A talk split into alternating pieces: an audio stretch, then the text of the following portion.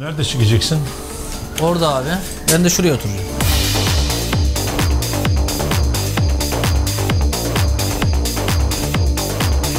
Orman yangını olduğunda oraya bir fidan dikim organizasyonu falan da gerçekleştiriyorsun. Kardeşim yarın sabah Ayvalık'ı yakalım. Oradan %30'unu ben alayım. %20'sini sen al. %15 müteahhite gitsin diye. Böyle bir dünyanın olmadığını biliyoruz. En güvenilir noktada olmak seni korkutuyor mu? Vallahi hiçbir şeyden korkum yok. 600 milyon TL para dağıtılmış. 600 milyon. Düşünebiliyor musun? Çok büyük bir rakam. Ama burada çok enteresan bir şey var. Biz bu parayı görmedik. Güven buradan oluşuyor. Garibanlar sosyal medyadan kendileri ulaşıyorlar ve açık kimlikleriyle ulaşıyorlar.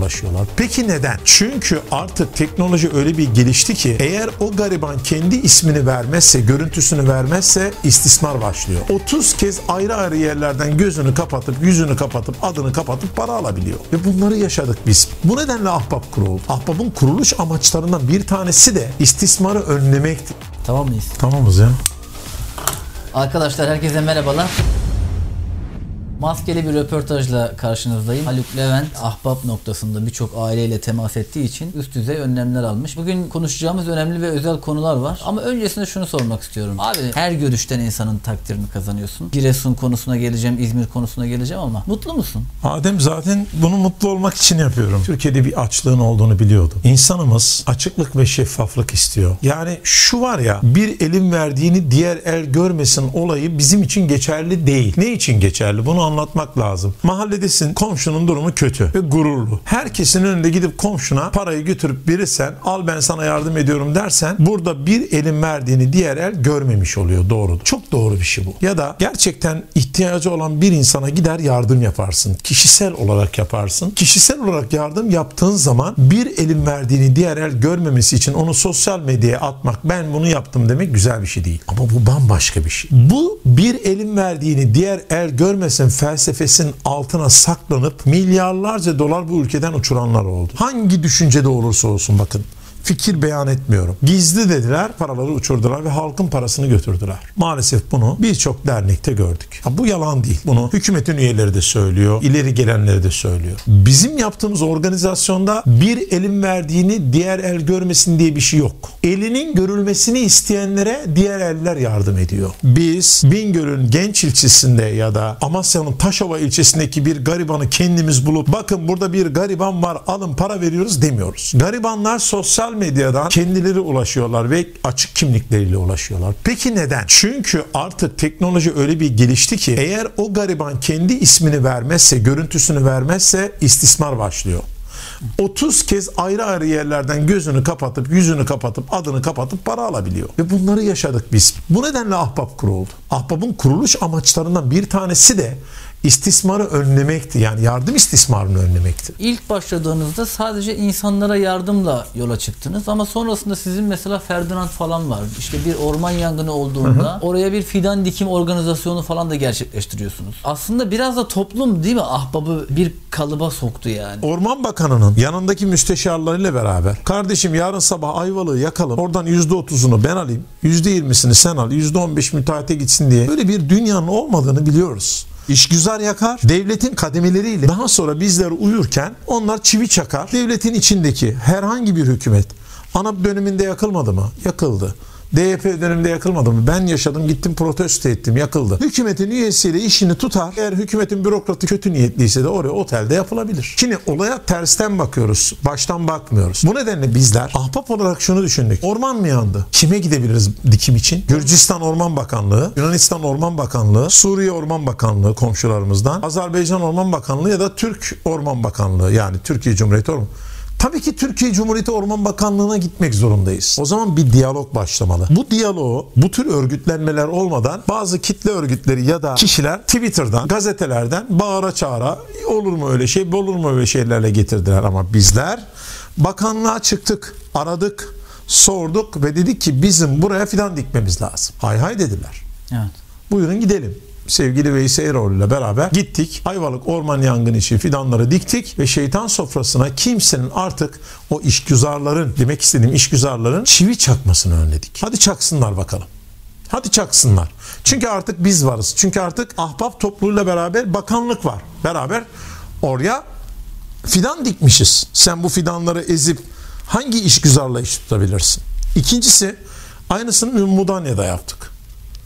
Sevgili Bekir Pakdemirli Bakanımız gecenin 12'sinde görüştük. Ertesi sabah Mudanya'dayız dedik. Mudanya'ya gittik. Tam böyle villaların arasında tam villa olunabilecek yerleri çizgi gibi cetvelle çizilmiş gibi yakmışlardı. Gittik diktik. Hadi şimdi gelip oraya villa diksinler. Şimdi yeni yerler yakıldı. Yandı. Yakıldı fark etmiyor. Tekrar gideceğiz. Ama arada yanlış anlamaya müsait yerler de vardı. Mesela Antalya Kaş. Antalya Kaş ormanlık alanı değil. Kişilerin. Ya onlar da yakabilir ya da rüzgardan yanabilir. Orayla ilgili bizler pek bir şey yapamıyoruz Adem. Yani sonradan Antalya Kaş'a villa dikim başladı. Millet dedi ki bakın gördünüz mü hemen villa dikiyorlar. Halkımızın şunu anlaması lazım. Orman arazisiyle kişisel araziler farklı. Ahbap gençliği olarak yakılan yerler ya da yanan yerler için mücadele ediyoruz. Şu anda elimizde dört tane proje var. Bunlardan bir tanesi Göcek, bunlardan bir tanesi İzmir, bunlardan bir tanesi yeniden Ayvalık. Bunlarla ilgili Sayın Bakanımıza gittik. Mart ayında çalışmalar başlayacağını söyledi. Hep beraber dikim yapacağız yapacağız. Başka başka yol yok yani. Başka yapabileceğimiz hiçbir şey yok. Evet. Kendi kendimize bakanlığa müracaat etmeden gidip dikme yasal değil. Kanuna da aykırı. Gidip dikebiliyorsan oraya tahta da dikebilirsin. Oraya evde yapabilirsin. Evet. Bu nedenle her şey bakanlığın iznine tabi. Ben ahbap başkan olarak burada politik bir mücadeleden çok elimizden ne geliri, şu anda bulunduğumuz mevcutta ne geliri yapmaya çalışıyorum ve takip ettiğimiz şeylerden sonuç almaya çalışıyorum. Eğer takip ettiğimiz şeylerden sonuç alamazsam çıkar kamuoyuna derim ki biz Sayın Bakanımızla burayı diktik ama maalesef şu şirket gelmiş buraya konmuş derim. Bunu söylerim yani. Bütün kamuoyu araştırmalarında Ahbap bir numaralı güvenilir noktada. Yani hep zirvede çıkıyor. Ahbap'la birlikte Haluk Levent de güvenilir sırasında hep bir numarada çıkıyor. En güvenilir noktada olmak seni korkutuyor mu? Vallahi hiçbir şeyden korkum yok. Ben güvenilir olmak için bir şey yapmıyorum ki korkayım. Ne yapabilirsin Adem? Yani burada ben birinci olayım diye koştursaydım korkardım. Ya ikinci olsam ne olur? Yani bu yıl güven endeksinde 15. olsam ne olur? Eve gidip de yastığa koyup da başıma şunu söylerim. 15. olmana nedenler vardır. Bu nedenlerde belki bir sıkıntı vardır. Bunu çözmemiz lazım derim. Ama biz içimizden geldiği gibi yaşıyorsak, içimizden geldiği gibi bir şeyler yapıyorsak, 300 bini aşkın gönüllüyle el ele bir şeyler yapıyorsak güven oluşuyor. Sevgili Adem, 600 milyon TL para dağıtılmış. 600 milyon. Düşünebiliyor musun? Çok büyük bir rakam yani. Ama burada çok enteresan bir şey var. Biz bu parayı görmedik. Dün akşam hey yo gelip de kahve içeceğim şunu yaparsanız dediğim insanlar bugün havalelerini yaptılar. Ama biz bu parayı görmüyoruz. Güven buradan oluşuyor. Yani Ahbap Derneği'ne gelen koli dağıtımı haricindeki ya da burs haricindeki milyonlarca liralık günlük şu hastaya bu lazım bu hastaya bu lazım. Ahbapların hiçbir kişisine para gelmiyor. Güven buradan oluşuyor. İhtiyacı olana gidiyor. İhtiyacı olan belirleniyor. Sağlam bir şekilde süzgeçten geçiriliyor. Kamuoyuna sunuluyor. Kamuoyundan insanlar ben yapacağım diyor. Ben de onlara menemen yapıyorum. 600 milyonluk para dağıtılmış. Hala belki de yıllarca 1 milyar TL'lik dağıtılacak. Evet. Çünkü biz görmüyoruz parayı. Bir de kurulduğu günden bu yana bakarsak bu telaffuz edilen rakamlar çok büyük rakamlar yani. Çok büyük rakamlar. Bir STK açısından çok Tabii. İnsanlar çünkü güveniyorlar sizin sözünüzle paralarını gönderiyorlar. İnsanlar bize güvenip bize göndermiyor. Yanlış anlaşılmasın. Evet. Yani afet durumlarında koli almak hariç, gıda yardımı almak hariç, bizim aracılığımızla alın, faturalandırın demek hariç insanlar %99.9 bize güvendikleri için, araştırmamıza güvendikleri için o insanlara para yolluyorlar. Elbette ki bu tarz STK'lar denetleniyor. Sen geçen gün bir tweet attın. Dedin ki Ahbap'la ilgili 18.30'da çok önemli bir bilgi vereceğim. İstanbul Valiliği denetlemelerini tamamladı. Denetim nasıl oluyor?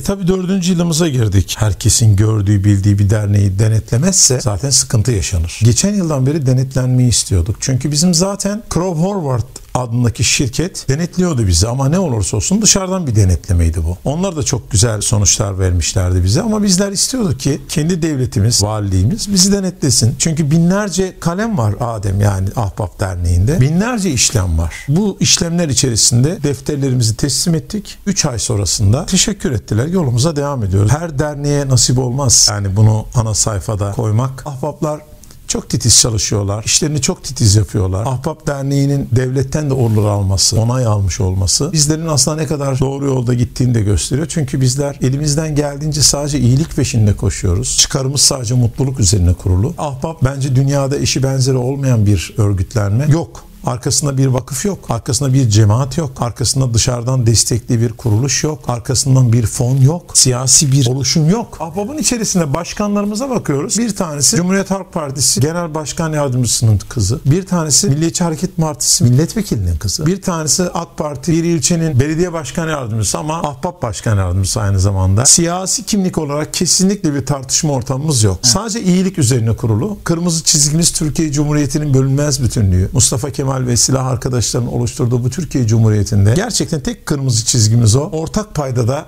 kardeşçe güzel bir şeyler yapabilmek. AFAD Başkanı sizinle ilgili çok güzel bir tweet attı. Mehmet Güllüoğlu dedi ki ahbaplara teşekkür ediyoruz ve çalışmalarımız devam edecektir. Nasıl gelişti AFAD orada nasıl bir dayanışma gerçekleştirdiler? Şimdi sevgili Adem, acının siyaseti olmaz. Acı politik bir sonuç olabilir. Hatta ben her şey sınıfsaldır diyenlerden. Bu bambaşka bir şey. Orada bir acı var. O acıda el atan insanın, taşı tutan insanın, hükümetin ya da bir bilmem ne belediyesinin diye bakmak insani değerlerden uzaklaşmak anlamına gelir. Hep birlikte el ele kol kol olmak zorundasınız o anda. Halkınız, milletiniz var orada. Birlikte çalışmak zorundasınız. AFAD'la üçüncü kez çalıştık ve çözüm ortağı olmaya çalıştık. Gönüllü ordumuzla ne yapabiliriz, nereden tutabiliriz'e bakmaya başladık. En başta İzmir depremi olur olmaz 5 dakika içerisinde İzmir bölgesinde depremden etkilenmeyen İzmir ahbapları AFAD'ın etrafında toplandı. 5 dakika. Arabayla 5 dakika. Ben de aynı gece birçok STK aynı gece İzmir'de buluştuk. Ertesi gün STK'lardan oluşan STK Afet platformunu kurduk. Zaten biz kurmuştuk Elazığ'da. Hemen görevlendirmeler yaptık. Depolara şu bakacak, buraya bu bakacak. Çünkü deprem ve sel felaketi falan bir yana onun lojistiği de önemli. Çünkü bu kadar can kaybı olmuş. Bir anda insanlar şöyle yapıyor. Kars'tan kamyon yollamış ikinci el dağıtıyor mahallede. Hijyenik değil. Korona tehlikesi var. Kime ne gideceği belli değil. Ahbaplar veya STK Afet Platformu burada önemli. Hemen AFAD'la işbirliği yaptık. Kızılay'la işbirliği yaptık. Evet. İzmir Büyükşehir Belediyesi ile işbirliği yaptık. Bayraklı Belediyesi ile depremin olduğu yerde işbirliği yaptık. Yerel yönetimlerle aynı Elazığ'da olduğu gibi nasıl Elazığ Belediyesi ve Arıcak Kaymakamlığı ile görüşmüş ve yardımlarda bulunmuşsak devletin organlarıyla da işbirliği yaptık ve çok başarılı oldu. Bizler gönüllü olarak üstümüze ne düşüyorsa yapmaya çalıştık. Bazı kamyonlar geldi düşünebiliyor musun? Kamyonlar geliyor böyle battaniye koymuşlar. Giyilmiş kıyafetler koymuşlar. Yani birazcık da insan düşünmeli. Yani orada insanlar deprem gördü diye yani bunu çok acındırmaya ve böyle üstünde hijyenik olmayan şeyleri göndermeye gerçekten insan biraz düşünür. Talimat verdi bütün çocuklara. Öyle kamyonlar gelince gör. Tabii ki bunu sevgili AFAD Başkanımızla Mehmet Güllüoğlu'yla da konuşarak sevgili Büyükşehir Belediye Başkanımızla da ben dedim ki gördüğüm an gönderirim. Şehir dışı ederim dedim. 150'ye yakın kamyonu şehir dışı ettik. Bunu ilk kez söylüyorum. Çünkü İnsanlar yardım etme dürtüsüyle iyi niyetle belki bunu yapıyorlar ama hani bunun da sağlıklı bir şekilde yapılması lazım. Evet, çok önemli. Artık yardımlar sağlıklı yapılırsa şimdi İzmir'de bakın hala şu anda ahbaplar ve afet platformundan birçok kişi depolarda şu anda görevliler. Hatta bana az önce bir fotoğraf geldi. Bunu göstereyim. Şuraya bakabilirsiniz. Depolardayız. Şöyle. Depolarda Görüyorsun değil mi? Şu anda depremden 20 gün geçmiş. Ama çocuklar orada depolarda. Çünkü insanlar çadırlardan evlere yerleştiriliyor. Konteynerlara yerleştiriyor. AFAD'ın yeni açtı. Konteynerlara yerleştirilirken gıdaların gitmesi gerekiyor. Doğru dağıtılması gerekiyor. Bizler gönüllü gruplar olarak AFAD'a ya da Büyükşehir'e destek olmaya çalışıyoruz. Hiçbir politik ayrım gözetmeden. İzmir'deki başarı da böyle kaynaklandı. Ama ne olursa olsun benim fikrim sivil toplum kuruluşlarının arama kurtarma çalışmalarında olmasının yanı sıra aslında devletin arama kurtarma çalışmasının güçlendirilmesi yönündeydi. Bunu 10 yıl önce dahi bir röportajda söylediğimi hatırlıyorum. Neden? Neden söylüyorum? Çünkü sivil inisiyatif oradaki verileri, oradaki bir herhangi bir hatayı tutup da bunu kamuoyu açıkladığı zaman bu bir kriminale girer. Yani bir adli suça girer, savcılığa girer. Fakat devletin organın yaptığında her şey açıktır. Orada bir şey yapıyorsunuz. Hataysa da, adli vakaysa da devlet yapıyor bunu. Şimdi devlet ne kadar güçlendirilirse arama kurtarma çalışmalarında sivil inisiyatiflerin desteği de çok daha güzel sonuçlar verir. Çok olumlu sonuçlar verir. Ama en başta devlet buna para ayıracak. Eğitimler, seminerler, konferanslar yaptıracak ki AFAD'da ben bunu gördüm. Gittim, gezdim, gördüm. Sen de herhalde İzmir'de evet. o bölgeyi gezdin. Muazzamdı. Sivil toplum kuruluşları o anda çok hazırlıklı olmayabilir. Ekonomik güçleri yetmeyebilir. Ha bu benim görüşüm. Benim görüşümün dışında olan olursa ve beni etkilerse, inandırırsa belki inanabilirim ama şu ana kadar gördüklerim, afet bölgelerinde gördüklerim devletin kendi arama kurtarma çalışmasının güçlendirilmesi en az sağlık personelinin güçlendirilmesi gibi bir şeydir. AFAD'ı bu konuda tebrik ediyorum. Çok daha aşmışlar birkaç yıl öncesine ve bence bundan sonra da çok aşacaklar. Bizler ahbap olarak da birçok gençler de AFAD'dan destek isteyeceğiz bu konuda. Hani bizler de ne yapabiliriz arama kurtarmada bir bölümümüz ne yapabilir diye. Çok güzel bir şey söyledin. İlerleyen yıllar açısından ahbabın da bir arama kurtarma kolu olabilir mi? Biz AFAD başkanıyla konuştuğumuzda siz ahbap olarak lojistikte çok iyisiniz. Çözüm ortağısınız. Onu geliştirin. Daha da büyüyün. Biz de AFAD olarak arama kurtarmayı daha da büyütmeye çalışalım. Dedikten sonra da şunu söyledi. Bazı yerlerde sıkışılabilir ne bileyim bir 50 kişilik bir grup, 100 kişilik bir grupta gelip bizden ders görebilir dedi. Biz ahbap olarak yakında AFAD'a elemanlar göndereceğiz, gençlerimizi göndereceğiz ve ders aldırtacağız. Bir yandan da tabii hayat devam ediyor. Haluk Levent sanat dünyasında şarkılarıyla, sözleriyle hepimizin sevgilisi yani. Tüm bu işleri yaparken işin o tarafını ne yapıyorsun? Vallahi şu an 9 aydır çalışmıyoruz. Bir iki konser yaptık sadece. Bir albüm yaptım. Geçen yıl kaybettiğim annemin bir tavsiyesi vardı türküyle ilgili. Onu kendime bir vasiyet olarak aldım ve albüm yaptım. Türküleri yeniden yorumladım. Çok yakında piyasaya çıkıyor. Bir de bir kitap yazdım. Bunu kimse bilmiyor herhalde. Evet. pek kimse bilmiyor. Yazdığım kitap ya oturuyorsun Adem. Çalışıyorsun evet organizasyonlardasın. Akşam oluyor konser yok. Ne yapacaksın? Bir şeyler karalıyorsun. Bir şey karalamak, üretmek istiyorsun. Madem bir yıla yakındır korona var bari bir şeyler üretim istiyorsun. Bu kitap bir nevi benim küçük küçüklüğümden başlayan mutluluğu arama yolları. Mutluluğu nasıl bulmak istiyoruz? Nasıl mutlu ediyoruz kendimizi gibi Böyle esprili, mizahi bir kitap. Hem albüm hem kitap 2021'de mi bizim hayatımıza girecek? Aslında ikisi de bitti. Şimdi konserler yok. Albümü yaptık, çıkarttık. Bugün çıkarttık diyelim. Albüm de bitti. Albümde de sevgili Cem Adrian, Ceylan Ertem, Melek Mosso ve Oğuz Aksaç gibi dostlarım da türküleri düette eşlik ettiler. Sevgili Oğuz Aksaç hatta albümün bir nevi türkü prodüktörlüğünü yaptı. Evet. Sağ olsun. Albüm bugün çıkarsak konserler yok. Hani Birazcık daha belki de Ocak ayının başlarında belki de belki Aralık sonu Bilmiyorum onu hem kitap hem albümü çıkartacağız. Sahne sanatçılarıyla ilgili bir yardım kampanyanız var. Ya işin o tarafa gerçekten çok vahim ya. Günlerdir, aylardır adamlar çalışmıyorlar. Onların hayatına dokunabildiniz mi? Çok enteresan. Bugün hepsinin hesabına paraları gitti. Yaklaşık 211 kişi bakabilir miyim telefonumdan? Lütfen. Kaç kişiye gitmiş diye. Sen bakma. Özel mesajları görürsün. 218 kişi. Aslında daha fazla başvuru var ama 218 kişinin hesabına paraları gitti. 3000'er lira yattı. 3000 küsür. Birçok sanatçı açık hava tiyatrosunda Harbiye'de konser verdi. Konser değil, söyleyişi gibi bir şey yaptık. 1 milyon lira yakın para toplandı. Ama bu bir ticari iş olduğu için devletin vergisi, KDV'si var. Onlar düştükten sonra Ahbap Derneği'nden kişi başı 3000 küsür TL 218 kişiye gitti. Allah bereket versin diyoruz. Yani evet. hiç çalışmadan en azından bir Ama iki ay. çok önemli bir hizmet. Ama şunu söyledim ben. Bu bir çözüm değil. Yani ben Ahbap Derneği Başkanı olarak müzisyenlerin tamamına yetişemem. Bu bir çözüm değil. 218 kişi en azından nefes aldı. Ama hani ben bunu yaptım. Şimdi sıra meslek örgütlerinde. MESAM'ında, MÜYAP'ında birleşsinler. Evet. Kendi çocukları için bir şeyler yapsınlar. Biz sadece bir kıvılcım çaktık Adem. Sadece bir dikkat çekmeye çalıştık. Keşke imkanımız olsa bütün müzisyenlere, bütün sahne sanatçılarına ya da makyözcüsüne, ışıkçısına, sesçisine Keşke hepsini dağıtabilsek. Aslında Ahbap'ın en önemli organizasyonlarından bir tanesidir. Sağlık alanında ameliyat olacak, durumu olmayan, protez durumları olan kişiler de size çok fazla ulaşıyorlar. Sağlık çalışanlarıyla ilgili konser söz konusu mu? Hiç böyle bir çalışma yaptınız mı? Bizler bunu çok önceden düşündük, çok önceden yaptık ama şu anda Covid sırasında o sağlık çalışanlarının konsere uğramaya, bir yere gitmeye o kadar halleri ve moralleri yok. Bu nedenle ben tabii ki desteklerim bu tür çalışmaları. Sağlık Bakanlığı'yla da bizler çok görüştük. Zaten sen biliyorsun yakın yakinen biliyorsun görüştüğümüzü. Özellikle SMA çocukları için çok görüştük. Çok kazanımlar elde ettik. Ama şu anda Covid durumundan dolayı sağlık çalışanlarının biz bir meslek hastalığı kabul edilmesini istiyoruz Covid'in. Düşünebiliyor musun? Annesinin evine gidemiyorlar. Bizler gidebiliyoruz. Onlar anne babaların evlerine gidemiyorlar. Çünkü her gün risk altındalar ve Covid bulaştırma tehlikeleri var. Ölüyorlar. Kocaları ölüyor. Kendileri ölüyor. Bu nedenle onları biz saygıyla burada anıyorum. Keşke şu günler geçse de onlara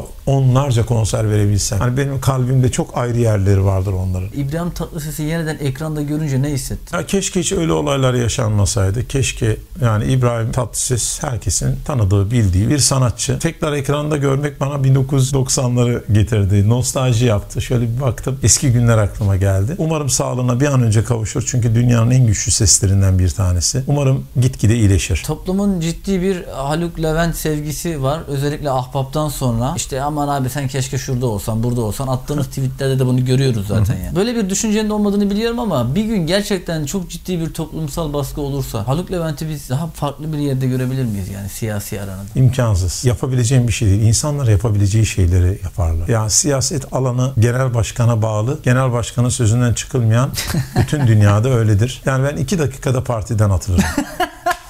İki dakika sürmez atarlar. At, atılacağım yere de niye gireyim ya? Evet. Hiç düşünmüyorum bile. Arkadaşlar Haluk Levent'le çok keyifli bir sohbet gerçekleştirdik. Ahbap Türkiye'nin en önemli STK'larından birisi haline geldi. Biraz Ahbap'ı konuştuk, biraz bu denetlemeleri falan konuştuk. Keyifli bir röportaj oldu. İzlemeniz bizleri mutlu etti. Çok teşekkür ederiz. Abi müthiş oldu ya. Eyvallah kardeşim.